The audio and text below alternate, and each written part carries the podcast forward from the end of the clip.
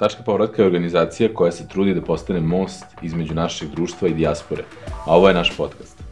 U njemu ćete čuti iskustva i priče naših ljudi iz inostranstva, naših povratnika i uspešnih individualaca koji stvaraju Srbiju.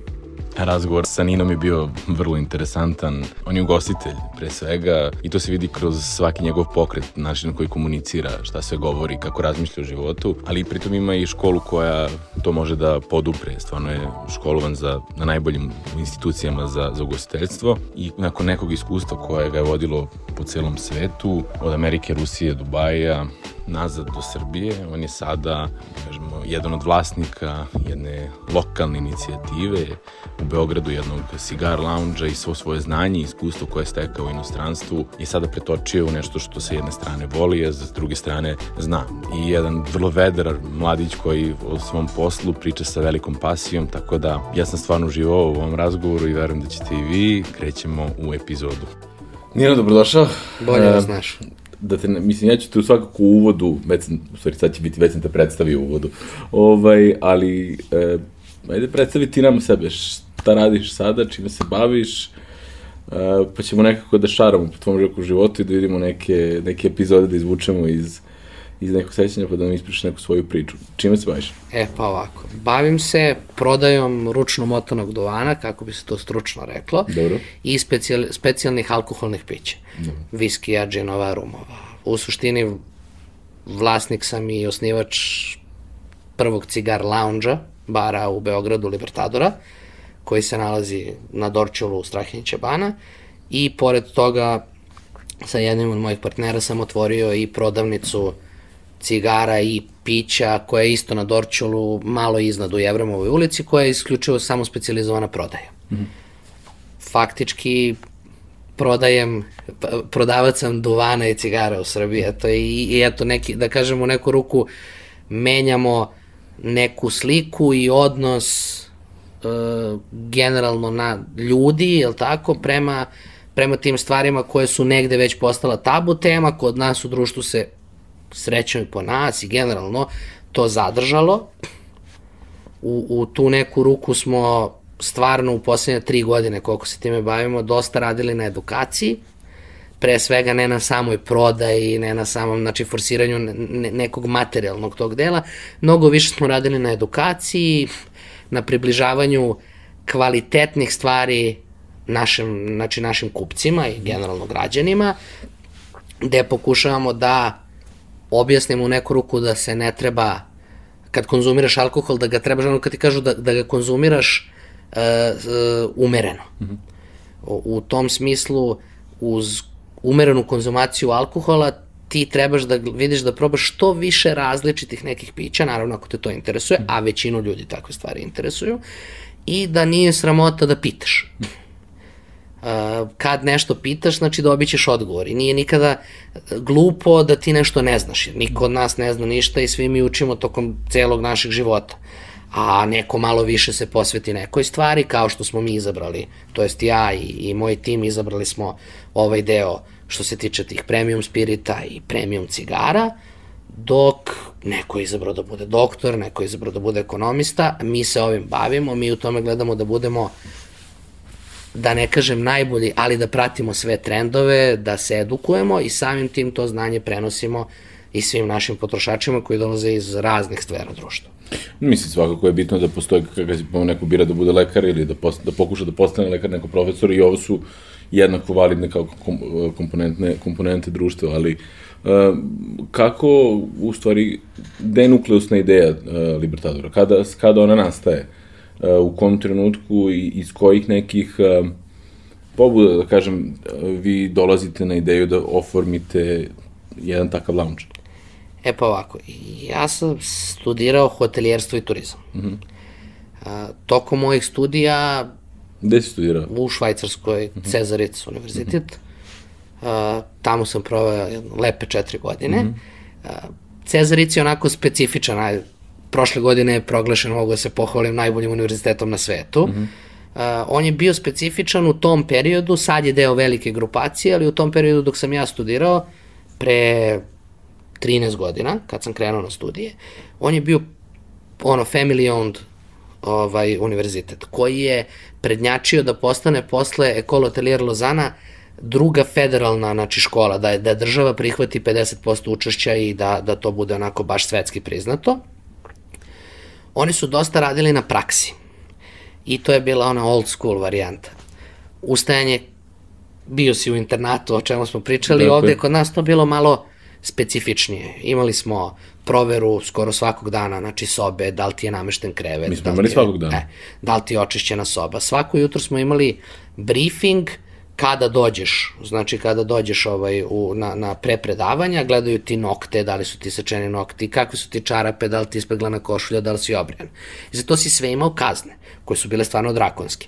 Pritom, tokom celog našeg školovanja, to je tokom prve dve godine smo bili u obavezi da radimo ne praksu, ta praksa je nešto što ide naknadno, znači kad završiš prvu godinu ideš na obavezno si na praksu, nakon druge, nakon treće, ovde si bio obavezan da u toku godine e, imaš neki doprinos em lokalnom zajednici, em svojim e, kolegama, znači radiš u kuhinji, radiš u housekeepingu e, ili u servisu i kroz sve, sve to vreme ti učiš da faktički u, da te oni spreme za taj posao kad ti kreneš da radiš. A čekaj da pitam, baš me zanima sad, da li je, kad kažeš, vi ste radili u kuhinji, u, u housekeepingu, da li postoji, znači u okviru univerziteta postoji hotel kojim... Pa faktički ceo univerzitet je kao hotel. Aha. I vidi, vrlo zanimljiv biznis model da na učenicima Tako napuniš stav. Pazi, ti naravno nemaš goste. Gost, Aha. gost si ti. Aha. A, nemaš goste, to je onako nešto što nisu dotle još došli, da. ali to je jedan stari hotel na, na Ženevskom jezeru, Port Vale, taj, taj deo, ali tako, jezera, sami kraj preko puta Montroa, tu si na jezeru, selu si, sve je samo održivo. Znači, ono, imaš svoju kuhinju, uh, imamo Culinary Academy, Culinary Academy u Ricu je stvarno evo godinama već najbolji u Švajcarskoj i u, da ne kažemo u svetu, ali u Švajcarskoj je najbolji. Uh, i dosta ljudi prolazi tu školu. I tako, ti kreneš, prvo te uče osnovne stvari, kao u nekim filmovima starim kad gledaš. Znaš, ono, ideš sa ajncerom, sa tacnom, poređenje čaše vode i ti se sad penješ kroz staru zgradu, ono, 30 ljudi ide gore na četvrti sprat, pa dole, pa gore, pa dole, pa tako pola sata. Vežbaš, da, vežbaš osnove ugostiteljstva. Ono, baby steps i tako krećeš nadograđuješ se. To je meni bilo ultra zanimljivo i smatram da je to jako edukativno. Pošto moraš da naučiš ono što su nas učili stalno, što su nam govorili. Ako ne prođeš sve, od najnižeg zaposlenog u karici do najvišeg, nećeš znati operaciju. I moraš da shvatiš da je to onaj lanac koji se okreće, da bi on mogao da se okreće, svaka karika mora da funkcioniše. I jako su bili rigorozni i strogi. U prve te dve godine. I sad sam se izgubio, ne znam i zašto smo dotle skroz došli znači, u priči. Znači ovako, krenuli smo od toga kako, sad ćemo da uvrežemo, ali ja bih i nastavio ovo, ovo o čemu pričaš sada, kako su izgledali druge dve godine, šta se tu dalje dešava, jer i da onda možda nekako gradualno dođemo do tog dela kada je nastala ideja o Libertadoru. To je bilo moje... Tako je. Da. Da, kako je nastala ideja o Libertadoru. Ali ajde da probamo. I onda dobro, znači prve dve godine su tako, kako, izgleda, kako se izgleda te druge dve godine? Druge dve godine se seliš u drugi kampus. Uh -huh. e, njihova ideja je bila da ti u prve dve godine faktički završiš tu intenzivnu obuku. Naravno, posle svake godine si obavezan da ideš na praksu. Praksa traje, zavisi ako je sezonska, traje četiri i po meseca, ako nije sezonska, onda traje šest meseci. I gde si ti bio na praksama? I ja sam prvu praksu morao da radim u Splendidu u Crnoj Gori. Dobro. Krenula je finansijska kriza, bio je moment gde su nama rekli vi nemate evropske pasoše, u tom ne, ne možemo da vam ovaj, obezbedimo neku praksu, ali tako? Dobro. Uh, ni u Švajcarskoj, ni u Evropi. Nisam teo da se vraćam za Beograd. Da. I dve godine je tad već Splendid bio otvoren kao ajde neki ono, prvi hotel na našim prostorima gde je uloženo mnogo novca, krem de la krem, ja sam rekao, ajde da vidim kako, kako to ide. A, otišao sam tamo, radio intervju, dobio posao, radio sam skoro, skoro punih, skoro pune pola, pola godine i u sezoni, kroz to vreme sam prošao ono od glavnog restorana do fine dininga, Otprilike to je bilo to između i nekih eventova koje smo radili. Bilo je jako zanimljivo. To je ta godina gde, gde prednjače istočni gosti. Da. Znaš, to, to mi je bilo fascinantno. Dosta naših gostiju, dosta istočnih gostiju, manje zapadnih gostiju.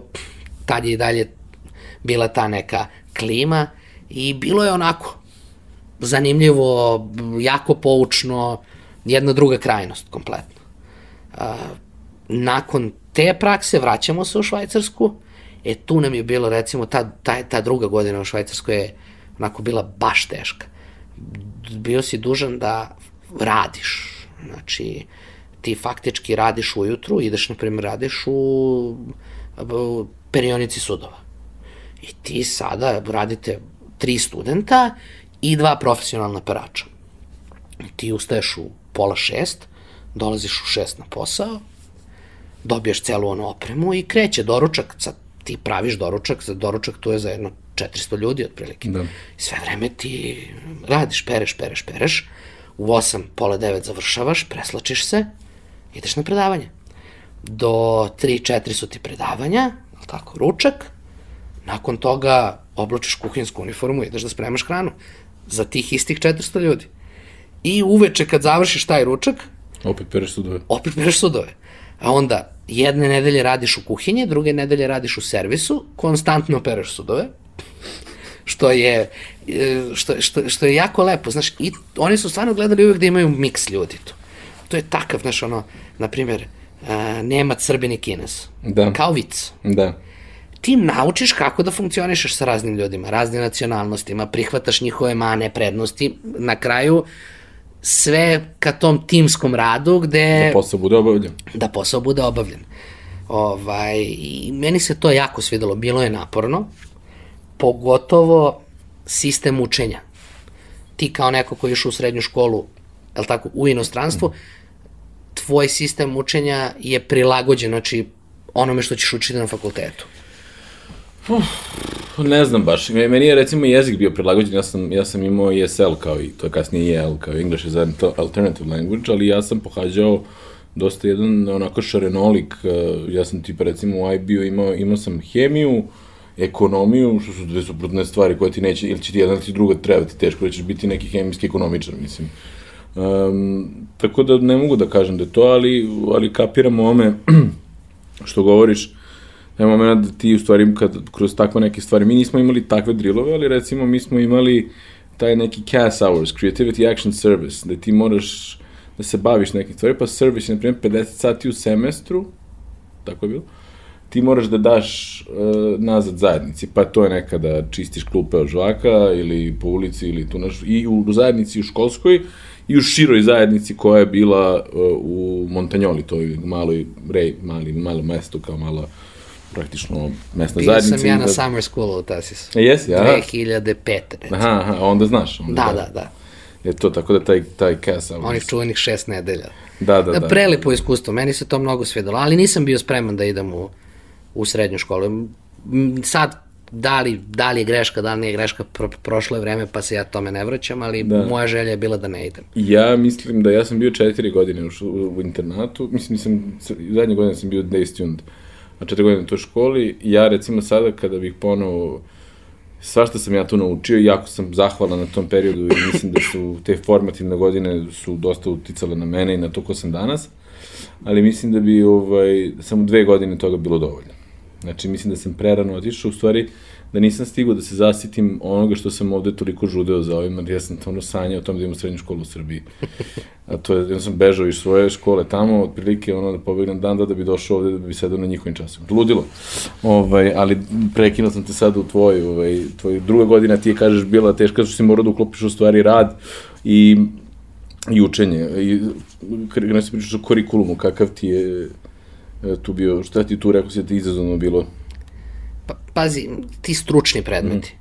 Stručni predmeti u tom momentu, znaš, ti detetu faktički od 19 godina, 18, 19, 20 godina, objašnjavaš stvari na jako profesionalan način koje će mu kasnije i tekako trebati u životu. Gradiš mu jednu bazu, ovaj, uh, ali mi je bilo sad mi je jasno da mi to nismo najbolje razumeli.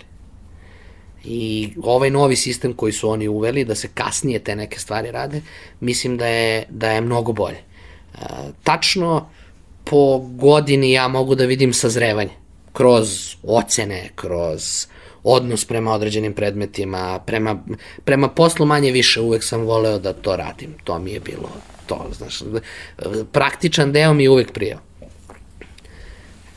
Ali što sam više sazrevao, ali tako, kroz, kroz sami univerzitet i tim što smo se bavili i društvo, jednostavno mi je bilo lakše i da učim, da malo da se obrazujem više akademski u onome, u ono čemu se mi bavimo. Prve dve godine, kao što ste rekao, su stručne, krajnje stručne. Znači, radiš isključivo sve što je stručno. U, učiš, ne znam, od tipova hrane, kako se čuva hrana, Jasne. koje temperature, gde, šta, kako, kako da prepoznaš trovanje, kako ne, oko tog dela. Uh, naprimer, kroz taj servisni deo, imali smo onaj full fine dining, znači da. onaj, onaj staru školu, Titanic varijanta. Dobro. Gde ti postavljaš 120 minuta. Ti si zadužen za jedan sto toko cele večeri. Od postavke, čišćenja, um, lenjire mereš razmak između viljuške i noža, u zavisnosti od toga koji je servis. Mi smo morali da prođemo sve servise. U to pretpostavljam da svaka ta viljuškica ima drugo ime. Tako je, tako je. Pazi sad, iskren da ti budem. 90% tih stvari tehnički ne mogu da se setim kako se zovu. No, da. Trebalo bi mi neko vreme da pogledam, ali praktično sad pogledam sliku i ja znam o čemu pričamo. Znači, da. aha, trebam da uradim to, jasno mi je, znaš, pa kako se služi lobster, pa imali smo, to je bio recimo jedan dodatan kurs, to mi je bilo fascinantno, jedan stari italijan nam je to držao, uh, showmanship. Mm -hmm. To jest kako kad služiš za stolom, kako određene stvari, ono, kako flambiraš, kako čistiš naranču, bez pipanja, znači ti ništa ne radiš rukama, kako čistiš bananu kad je flambiraš, ali ne diraš i ti uopšte ne koristiš ruke, sve vreme si sa priborom. Koji imaš, nemaš nikakav specijalni pribor. Pa ono, kao da otvaraš konzervu, na primjer, nož služiš, sečeš, kako mm. to, znaš, uč, učete te stvari, kako da otvoriš jastoga, kako da očistiš pomoranđu, a da ne diraš rukama, kako da poslužiš određene stvari na stolu, kako da spremaš tartar biftek, kako da eto, taj, opet ponavljam, taj banana flambe, baš znači, daj, da, lepo da, iskustvo. Da, da, da, da, jasno, showmanship. I, ovaj, I tu, znači, prve dve godine si uvladao ti nekim ono, osnovnim terminologijom i, i postavkama, veštinama, veštinama alatima. Šta se dešava u te, te druge dve godine? Uh, kasnije, znači ti posle svake, kažem, ti ideš na praksu, prvu sam radio u Splendidu u Crnoj mm. Gori, drugu sam radio u Adel Bodenu, Mm -hmm. To je jedno skijalište iznad Berna. Mm -hmm. uh, to je sezonska bila praksa. Radiš dve smene dnevno, on, split shift takozvani, po 13-14 sati. Uglavnom imali smo priliku da organizujemo uh, za vreme svetskog kupa, svetski kup u skijanju se vozio mm -hmm. od Vodenu. Mm -hmm. Ovaj, tako da to je isto jedno iskustvo gde tebi grad koji generalno živi sa 500-600 stanovnika i da kažeš 2000 gostiju, eksplodira. u ta tri dana eksplodira, prođe ti 60.000 ljudi tri dana. To, to, to je, ništa u tom gradu nije napravljeno da primi više od 3000 ljudi. Da. Mnogo iskustva, nakon toga odlazimo u Brig, to sam ti rekao. Brig je isto u kantonu Vale, mm. samo je između Cermata i, i Kran Montane, mm -hmm. u Uvali pored glavnog grada Siona, jako blizu.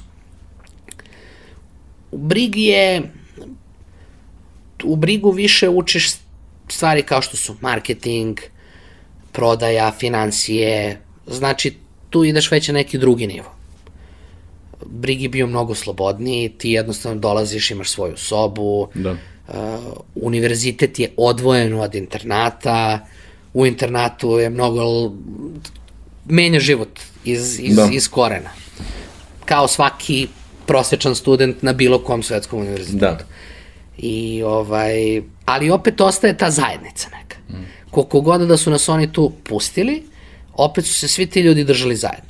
I pravljenje večera i kuvanje. Tu si mogu prvi put imao si svoje kuhinje, ono, osam kuhinja povezanih, pa možeš da kuvaš, možeš da spremaš, sve ono što si učio ili što si radio ili što si želeo, možeš to da Vidi, pokažeš. Vi ste imali možda prosječan život studenta, ali niste prosječno jeli, to sigurno. Ne, to da, nismo. To, da. da. Ne, ne, to, to što se tiče hrane, stvarno svašta smo probali, dosta, dosta nekih, ovaj, taj Culinary Academy koji je radio, to jest naši, naše kolege koji su u tom momentu završavali isključivo za kuvare, za šefove buduće, oni su svaki vikend na tom fine diningu koji smo mi služili, oni su pravili nešto novo. Da, Svašta smo probali. super. Mislim, to je meni zvuči kao bukvalno ono, stvarno studiranje iz raja sa te strane. Pa jeste, da. jeste. I kada si, dobro, e, kada završavaš fakultet, kada to, to je koja? 2012. Da, da, 12. Gde nakon toga, kakve odluke praviš onda karijerne? Pa, odlazim u Ujedinjene Arabske Emirate, u Dubaj. M, Dobra stvar kod ovih fakulteta, kao što je bilo i kod vas, pretpostavljam, imaš onaj career fair. Uh -huh. I tu tražiš i prakse, tu tražiš i poslove, nakon završene ovaj, nakon završenog fakulteta, ja sam umeđu vremenu na tom od jednog career faira našao management training u sektoru hrane i pića, food and beverage u Dubaju, hotelska grupa Millennium, singapursko-britanska grupa, imaju negde oko 200 hotela u svetu, ima po Londonu si vidio one Millenniume. Da. To su njihovi hoteli. Onako, orijentisani su ka biznisu, četiri, četiri plus pet zvezdica, zavisi, ali uglavnom biznis hoteli.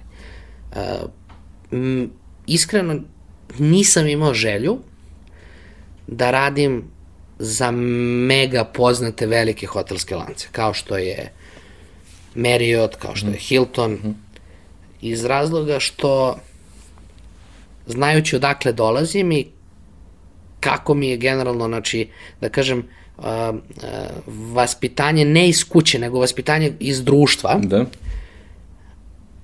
nisam bio spreman da idem tačno po pravilima koje mi propisuje neka firma, po nekom guidebooku, onom surovom Da. koji je propisan, nema veze da li ti je hotel u Britaniji, u, u, u, u kako se zove, Tokiju ili u Abu Dhabiju. Isti su standardi. Više sam voleo te firme koje se e, priklanjaju lokalnom na, načinu života. Jasno. Millennium je takva jedna firma. I zato sam ih izabrao. Rekao sam, vidi, bolje mi je da budem prvi u selu nego zadnji u gradu. Ajde, Dobro, okej. tako da se izrazim. To je bilo jedno lepo iskustvo. Koliko dugo je trajalo? Skoro dve godine. I dve godine si živio u Dubaju. Dve godine u Dubaju, da. Pa krenulo je kao management training, onda sam postao assistant restoran manager in charge, mislim, faktički sam da. vodio taj all day dining restoran. E, kasnije sam dobio i promociju da budem restoran manager. E sad, nije me držalo mesto, razmišljao sam se nakon godinu i po dana da li želim da ostanem u Dubaju ili želim da idem negde drugde i rekao sam sebi, pazi, ili ćeš sad otići u Ameriku ili nećeš nikada. Jer čim ti prođe još koja godina, neće ti se ići. Onda sam se stvarno potrudio da nađem ovaj, neki posao u Americi i dobijem posao u Vašingtonu. Odlučim da idem. Al, I taj odlazak u Dubaj je meni bio, na primjer, predao sam diplomski, sećam se, na primjer, bio je tipa neki 22. jun. Ja sam predao diplomski u 12, seo na avion uveče, otišao za Beograd, promenio stvari u 3 dana i otišao za Dubaj. Da. Znači, četiri dana je trajala moja tranzicija Iz fakulteta na posao. Tako da. je. Kad sam odlazio za Ameriku, to je trajalo malo duže, 15 dana, zbog vize. Morao sam se vratim u Srbiju i kad sam odlazio u Ameriku, ja sam sad bio u euforiji, idem, super mi je, znaš, odlazim na aerodrom, srećem u, Fla, u Frankfurt, seća se i treba da letim za, za Washington i kaže, šta će bre ovo tebe? Čekaj, ajde malo nađi negde, gde možeš da se, gde ti možeš sebe da nađeš, gde vidiš sebe? Tad sam prvi put postavio sebi pitanje gde vidiš sebe. Mm -hmm. Pošto sam ja tako to zamišljao da je to mnogo lako kad ti prelaziš ko u filmu Da. sa mesta na mesto, menjaš život u dva kofera, znaš, dve godine, tam, ti u dve godine taman kreneš da gradiš neku osnovu, neke prijatelje, Neku način zajednicu, života, pripremu. zajednicu i kao idemo dalje. Nisam nikad pre toga bio u Americi, pa rekao, ajde vidjet ću kako je. Dosta hrabro, da. Da. E, odlično iskustvo. Koliko dugo si bio u Vašingtonu? Skoro dve godine. Uh -huh. Ja to po Vidim dve da godine. dve godine je mera, a? Dve godine je mera. Dobro. M- mesec dana manje od dve godine, ja mislim, tako nešto. Uh, Washington je bio stvarno poslovno u Americi imati priliku da radiš u bilo kom biznisu, ja sam siguran u tim godinama između 20 i 25, 6, ako ima neko priliku, stvarno bih savjetovao mm. svakoga. Način rada je kompletno drugačiji od celog sveta. Znači, novac nema ama nikakvu vrednost. On se ulaže koliko god treba, samo da se točak okreće i neke stvari koje su meni bile fascinantne, na primjer u Dubaju smo imali problem sa stolovima za banket. Uh, 25 godina su bili stari stolovi za banket, Dobro. koji su pojeli pitomiševi. Dobro. I imali smo osam stolova. Znači, ozbiljnije bankete nismo mogli da organizujemo. Svaki put kad smo pravili neki ozbiljniji banket, to je bilo e, gerilski način organizacije. Spaja i stolove, donosi, odnosi. I to je meni odgovaralo, ja iskreno taj način malo i volim.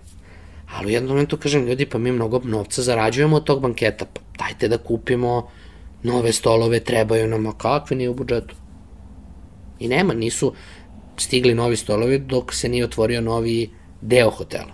To je trajalo Da. nekoliko godina. U Americi sa druge strane, i naravno, da, ov, lanac komanda, chain of command, vice president grupacije dolazi u hotel. Mi ne postojimo. Kao da je, kao da je neki royalty. Ono. Znači, royalty, izvini. Ovaj, e, nema, ti s njim ne pričaš, ne gledaš ga, on se tebi ne obraća, ti ne postojiš on priča samo s generalnim direktorom, eventualno dvojem, trojem nekih ovaj, top level managementa, a mi svi ostali ne postojimo. Dok u Americi ti sa svojim direktorima, sa vice prezidentom grupacije sediš, piješ kafu, popiješ piće, družite se, slobodno. Ja se sećam, imao sam neku ideju, u tom hotelu u Americi smo imali jedan rooftop koji je totalno neiskorišćen. Stoji bazen i koristi se kao amenity hotelski. Znači možda dođeš da se okupaš, nemaš nikakav servis, ništa. Došao iz Dubaja, sve šljašti, rooftopovi, žurke. Ja pitam, zašto mi ovde ne uložimo? Napravimo bar, servis. Kaže meni direktor, odlična ideja. Preko, pa pričam s vama, kako možemo to da uradimo? Pa kaže, ja se time ne bojim, imaš vice prezidenta, pričaj s njim. Kažem, da li, ja to nisam naviku, ja pritam vam, pa da. vi pričate s njim, pa on vama kaže, pa vi meni. Ne, ne, kaže, ideš kod njega direktno. Kako? Pa kaže, ništa, sedneš na voz, ideš u Njujork. Ja na vozu u Njujork, moj plan, program, ulazim ja kao dobar dan, iz... Znaš kako su oni, Da. hey man, what's up, bukvalno tako. Ja sam totalno bio u šoku, to je kulturološki šok, znači dve različite, Da, ovde ti je kao da ti je ortak, a vamo nisi, on, bio si Tako je. nevidljiv za njega. Da, nevidljiv si za njega. Koliko ti treba novca? Kažem, pa ja bi to ukomponovao u 50.000, pa ne mora ni toliko. Ma ne, kaže, imaš ti budžet 130, 150, e, ti odgovara, kao, može 150.000, može. Kao da smo na pijaci. Meni je u tom trenutku to bilo kompletan, kažem ti, baš, baš onako šok, šok, šok, ali ti shvataš da se tu okreće toliko mnogo novca da jednostavno oni smatraju što više ulažeš, više se okreće, više se dobija i konstantno mora da se ulaže i za nekog mladog čoveka koji treba da se oslobodi, da povuče neke poteze, da napravi grešku, Da rizikujem. da rizikuje, Amerika je idealna. Nijedan rizik se ne isplati. Mm. Sve se isplati na kraju. E, Da li na, oni kažu, znaš, ako, ako nismo sad potrefili, naučit ćemo iz te greške pa idemo dalje. Ali ti nisi kriv, ne, ne, ne, postaješ ono kao, znaš, ne opterećuju te tim stvarima da ako pogrešiš, sve se ruši. Ne postoji ta kultura, da, ta kultura neuspeha. Kod nas je malo to, postoji to neko mišljenje šta će sad da kažu ljudi i što ako sam propao, znaš, i nešto sam loše uradio. Kod njih postoji tako nekako malo, a, nema, nema tolika verzije prema, prema neuspehu. On, to je sa sastavni deo u on, Uspeh. puta ka uspehu. Da, tako da, Pa Donald ja, Trump je koliko puta, tri puta bankrotirao. pa ne znam koliko za njega, da oni stvarno, Da. da. da, nekoliko puta, pa mislim na kraju krajeva, I postao predsednik Sjedinjenih američkih država. skoro svaki preduzetnik je imao neki failure pre toga koji mogu kaže, evo ovde sam naučio ovo, mislim, to, to, to je, to je dosta, dosta često, da, ono, i Donald Trump. A, ovaj, i, znači, dve godine si bio onda u Vašingtonu i tu si, ono, nekako naučio te neke razlike između, ovaj, načina praktično poslovanja e, i napravljen rooftop. Jeste. Je dobar, I bio je mnogo profitabilan. Da. I pravili smo sigurno među najboljim žurkama u, u gradu. E, nisu smele, naravno, zbog hotela da, da budu svaki vikend, svaki Mhm. drugi vikend. I, I baš je bio onako pogodak odličan. A, I nakon te dve godine šta se dalje dešava? Nakon... Nakon- Koj, koju odluku onda praviš? Jel si dalje postavljaš sve pitanja da ja želim da budem? Pa nakon te dve godine ja sam se odlučio da se vratim u Srbiju. I to je trajalo jako kratko. Dobro. E, nakon toga sam odlučio ovaj, mislio sam u stvari da ostanem Šta ti je bio razlog za, da, da razmišljaš povratku? pazi, Mislim šta da si prelomio da dođeš, pa, pa šta je onda bio razlog da te to, da se to osujetilo? od početka kad sam odlučio da ću da idem ja sam znao da trebam da se vratim. Dobro. poenta da kažem uticala je i porodica u nekom smislu. To, to generalno ne kao porodica da me je terala ali to vaspitanje da mi ulažemo u tebe, to jest u vas, u mene i u sestru, ulažemo u vas, vi idete dalje, prikupljate znanje i to, zvanje treba, to, to znanje ne treba da, da nestane negde, to znanje treba da vratite kući, treba da se borite ovde, jer samo tako možemo da sačuvamo ovu državu.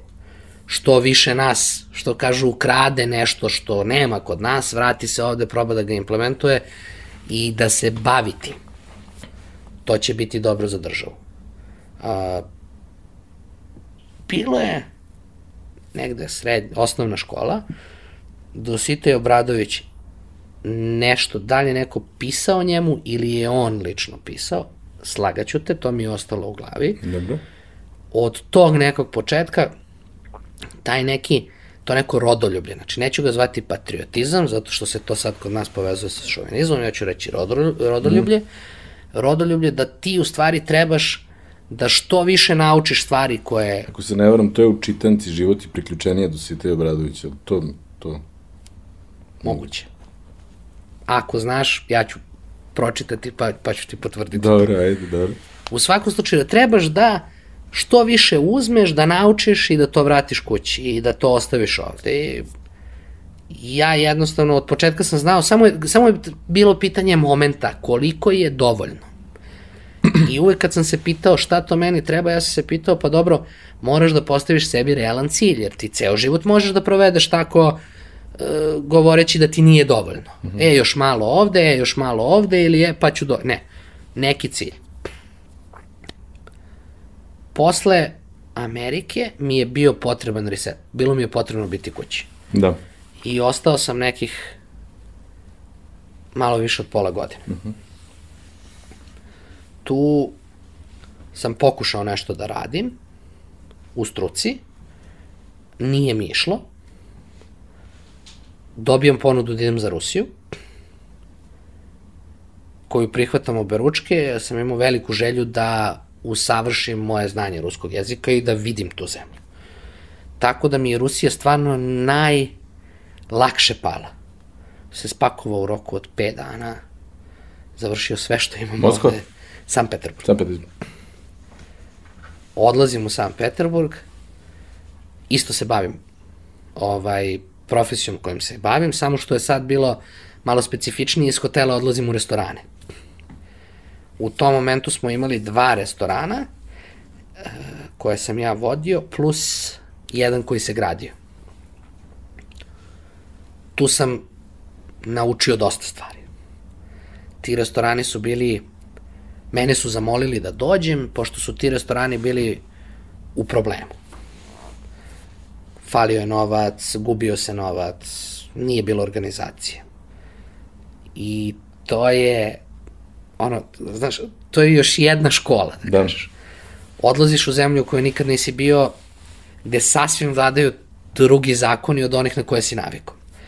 Jezik pričam, ali jedna stvar je pričati sa ljudima koji znaju da si stranac, a druga stvar je živeti u toj zemlji i jednostavno U tom to, kontekstu, to, u da. tom kontekstu.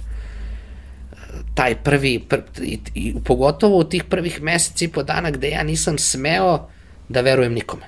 Da, Stvarno je bio ozbiljan problem u firmi. pošto nestaje novac. Tako je. I sam ono, znaš, kao telefonski imenik, pa nema Google, ne koristiš Google, koristiš Yandex. Mm -hmm. Dakle, Google bukvalno ne, on postoji, ali sve bitne informacije su ti na Yandexu. Te onda traži, traži brojeve dobavljača, uzimaj šeme, zašto, od jednog tražiš, jednu istu stvar sam morao da tražim od pet različitih ljudi da oni ne bi povezali šta ja hoću. To je trajalo jedno dva meseca, uspeli smo to da sredimo, uh, jako je bio intenzivan posao,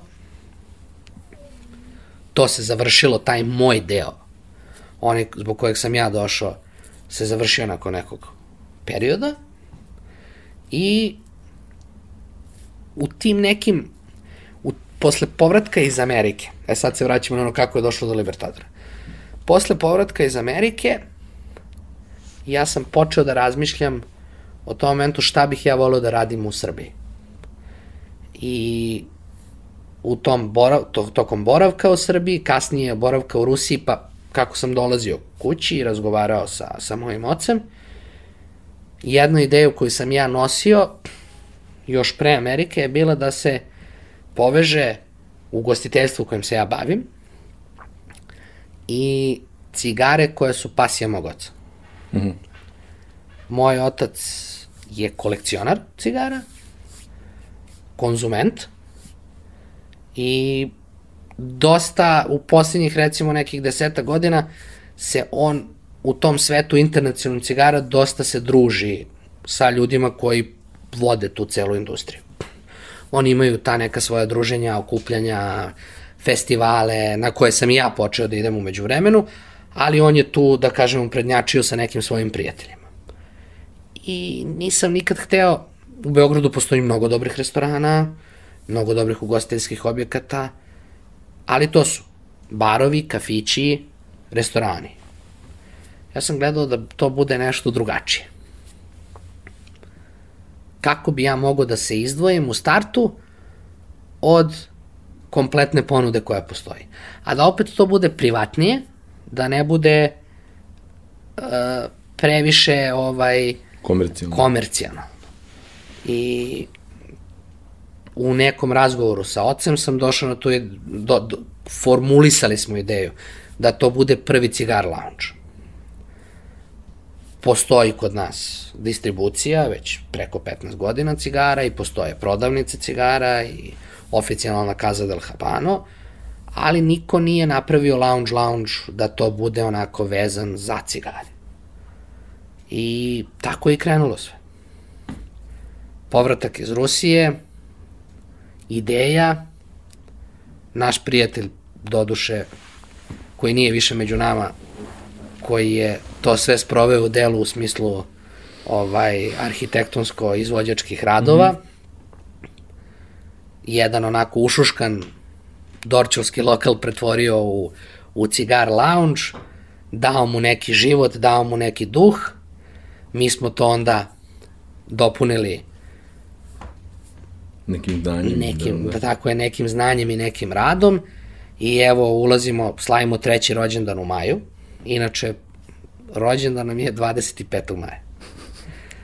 Ovaj, Znamo, još povezano. neko, znamo još neko ko je voleo da, da puši cigare, ro, tako rođen da mu je bio 25. a rođendan mu je maja. 25. maja i moj kolega, učitelj, da kažem, čovjek od koga sam ja dosta naučio o cigarama, Zdravko Brkić, e, kad smo pričali o tome, kaže, taj bre čoveče, rođendan Libertadora je 25. maj,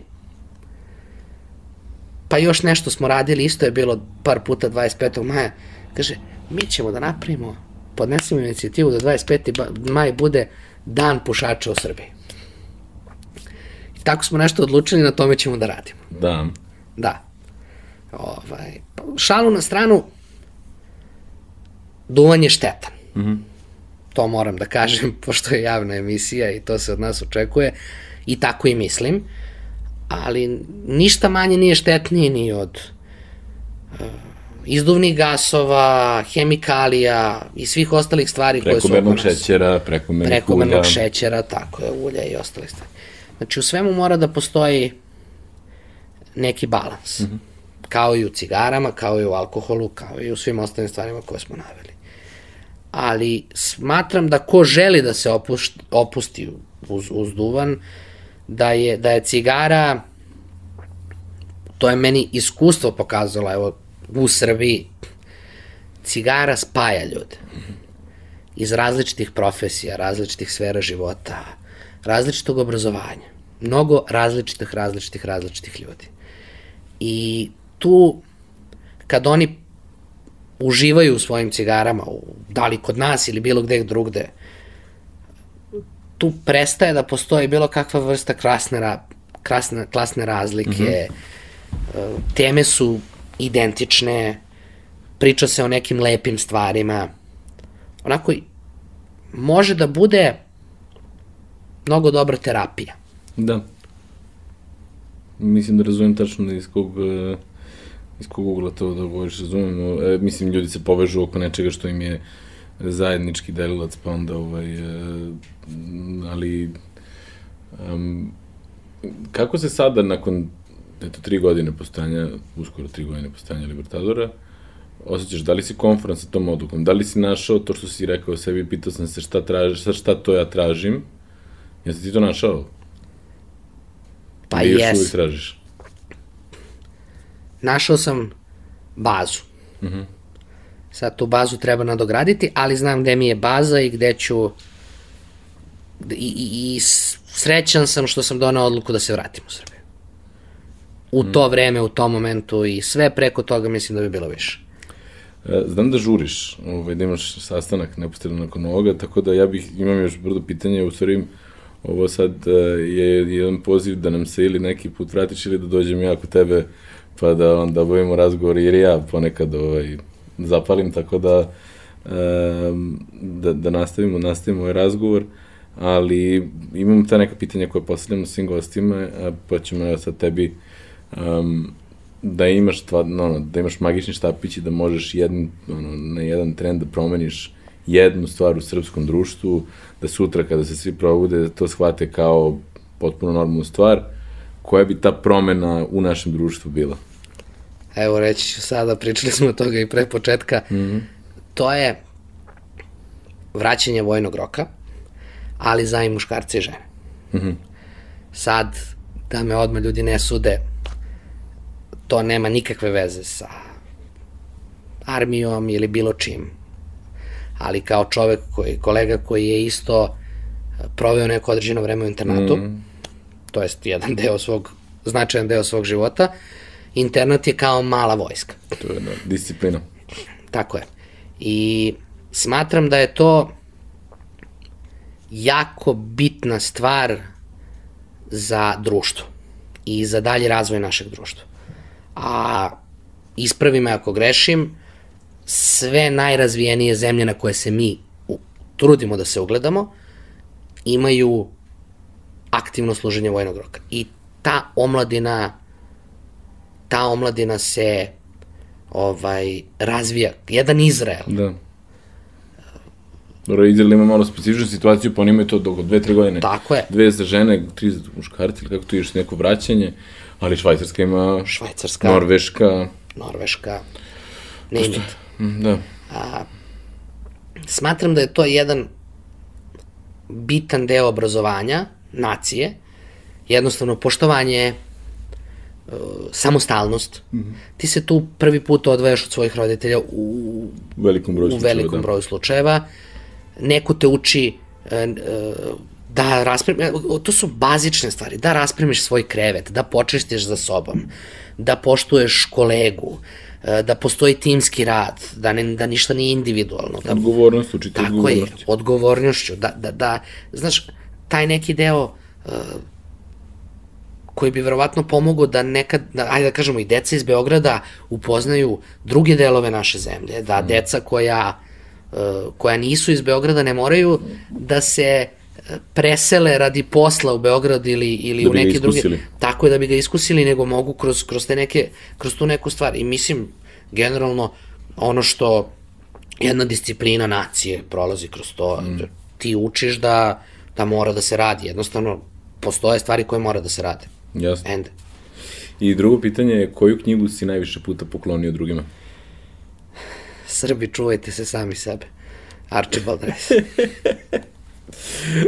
Odlično. Ništa, hvala ti na, na ovom gostovanju, hvala što si izdvojio vreme, podelio svoju priču. Mi ovaj razgovor nastavljamo ili u ovom ili u nekom drugom kontekstu. Stvarno, sa velikim zadovoljstvom e, hvala ti i drago mi je da, da, da se to nekako i sa te strane razumemo, jer imamo neku isti, sličan neki životni put i opet smo nekako vratili se ovde sa nekom istom ili makar sličnom idejom. Ove, tako da hvala ti stvarno na, na izdvojenom vremenu i, i srećno i srećan treći rođendan. hvala, hvala vama nadam se da ćete biti gosti i da ćemo biti u prilici prvo da ga proslavimo Stvarno, da. i stvarno velika podrška za ovo što radite. Mislim da je ovo baš bitna stvar za, za, za sve nas prvo i nas koji smo iskusili to i za buduće generacije koje će tek iskusiti i za neke ljude koji još i dalje traže ono što sam ja tražio i pitaju se ovaj, je zašto meni će baza? Se, da, gde je meni baza. Hvala ti.